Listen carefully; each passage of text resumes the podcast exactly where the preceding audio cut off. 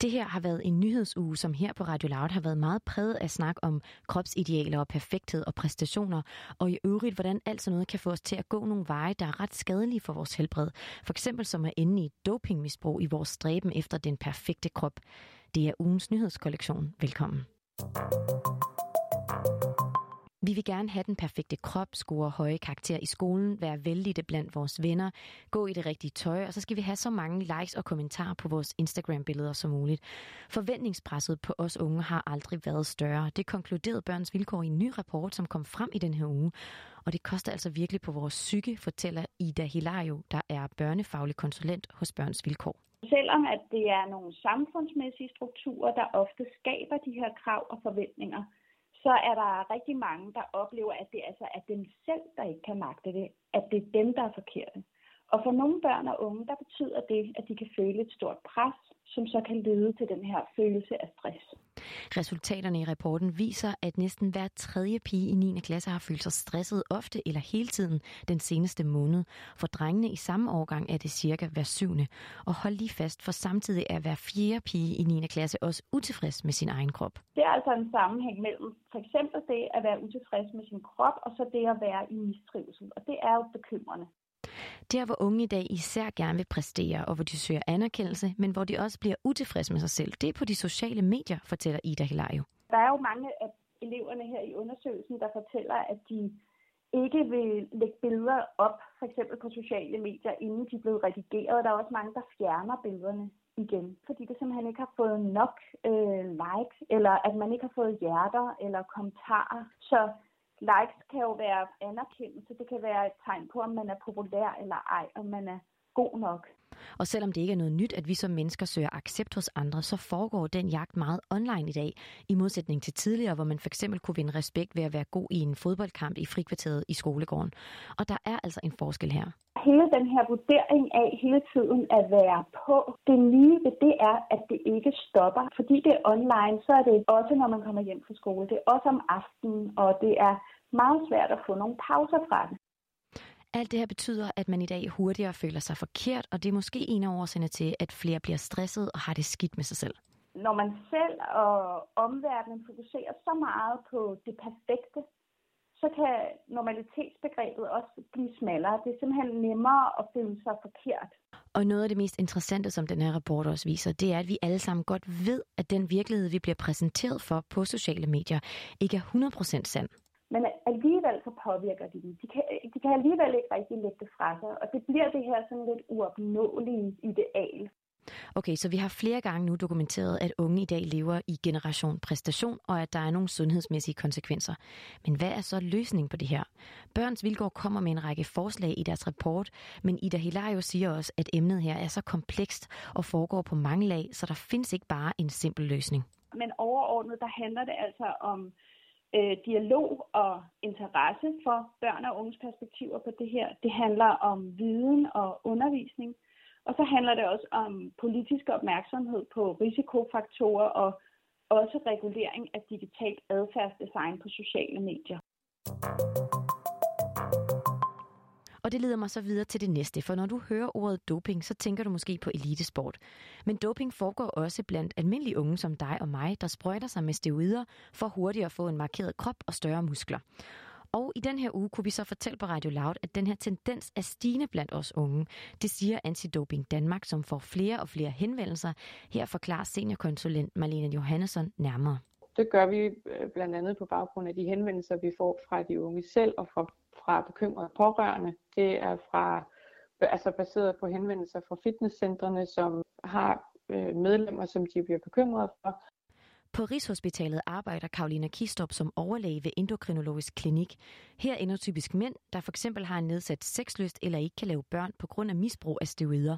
Og de klienter har overlæge Karolina fået flere af med årene ofte deres indgang til mig, det er, når de, det kalder man hypogonadisme, det vil sige, deres egen øh, testikler ikke længere er i stand til at lave testosteron. Der findes ikke nogen tal på, hvor mange der doper sig med anabole steroider i Danmark, men meget tyder altså på, at det er stigende. Og det selvom, at steroider både er ulovligt og faktisk også er farligt for både for din krop og din psyke. Vi ser blandt andet forandringer i hjertet, hvor man har en, en nedsat funktion. Vi kan se, at øh, mens de tager steroider, så har de et klart forhøjet blodtryk, som der jo er velkendt risikofaktor for hjertekarsygdom. Mange af dem udvikler forstadier til sukkersyge type 2. Nu talte vi tidligere i udsendelsen om, hvor meget udseendet betyder, og vi kender nok efterhånden alle sammen til det med at scrolle på Instagram og tænke, wow, den krop gad jeg godt have. Og netop den her forestilling om en idealkrop er faktisk lige præcis noget af det, der får unge til at tage videre, fortæller Marlene Johannesson. Det vi er bekymret for, der sker, det er, at de unge de oplever sig selv som utilstrækkelige, at de ikke lever op til de her høje idealer. Så ser de til gengæld nogen, som ser ud, sådan, som de drømmer om. Og i nogle miljøer, der er de her stoffer, som i høj grad kan gøre en forskel. I, en eller anden, i et eller andet omfang blevet normaliseret. Nogen har en forventning om, eller en eller anden forestilling om, at det gør alle andre jo, så hvorfor skulle jeg ikke? Men problemet er bare, at så snart man stopper med steroiderne, så vender kroppen tilbage til sit normale. Men det gør dit velvære til gengæld ikke, fortæller overlæge Karolina Kistop. Problemet er, når man holder op med steroider, så bliver man psykisk virkelig hårdt ramt øh, på grund af, det faldende testosteronniveau, og, og de beskriver nærmest sådan lidt, de crasher. Altså mangler fuldstændig energi, øh, bliver ekstremt trætte, overgår ingenting, dårlig humør, nærmest depression, beskriver de. Og så er det altså meget nærliggende at gå i gang med steroiderne igen, fordi så ved de, at det går over. Og det leder mig videre over i den sidste del af den her udsendelse, nemlig løsningerne. For nu har vi konstateret, at flere og flere tager steroider, og at det har ret alvorlige konsekvenser for helbredet, som måske bliver undervurderet. Så de sidste minutter skal vi høre lidt mere fra Marlene Johannesson, som i et interview dels fortæller, hvor sindssygt svært det er at hjælpe de unge ud af det her, og hvad vi som samfund skal gøre for at redde flere fra at gå den vej. Hvad er det, der skal til for at løse de her problemer blandt andet? Vi mangler en undersøgelse af, hvor udbredt er det, hvor findes de henne. På samme måde som man i øvrigt gør det med både alkohol og narko og alt muligt andet her i Danmark. Vi har bare slet ikke adgang til den slags data lige nu på øh, doping, eller sådan konkret anabolsteroid øh, området. Og det vil vi rigtig gerne have, og en forudsætning for at få adgang til, til, til sådan en viden, det er, at det bliver anerkendt som et folkesundhedsproblem, at nogen får lyst til at smide ressourcer i og, og gøre os klogere på hele det her område. Og så lige præcis i forhold til det her med at anerkende det som et folkesundhedsproblem. Hvad er det, du lægger i det? Det her det er et folkesundhedsproblem modsat et idrætsproblem, fordi det her det handler om nogle, nogle andre unge. Det er for det første en meget bredere skare, som er i risiko for at blive eksponeret for, altså med risiko for, risiko for at møde de her stoffer og blive inspireret til at bruge dem. Det er nogle andre motiver, det handler om at komme til at se ud på en bestemt måde. Der er ikke sådan et endemål, hvor man kan sige, nu har jeg noget af det, jeg ville, nok er nok, så nu behøver jeg ikke det her mere. Og vi kan bare se nogle bivirkningsprofiler på, på dem, som har brugt det her, som er utrolig problematiske. Hvis I så står med en ung, hvad er det så, I har mulighed til at sige til den her ung? Hvilke retninger er det, I skal sende den her ung ud til nu?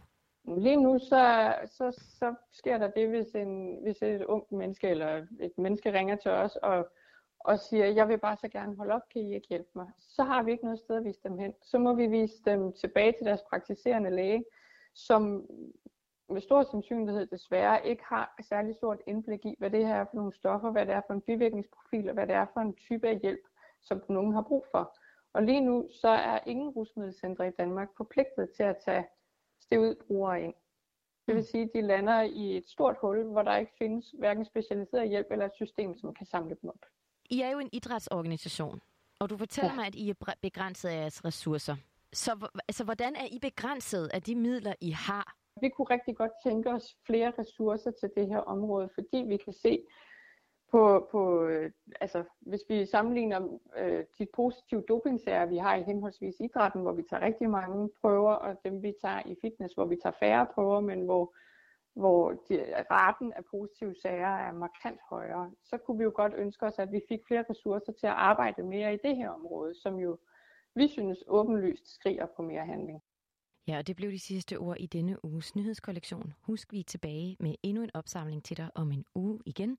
Vi høres ved forhåbentlig. Mit navn det er Rasanel Nakib.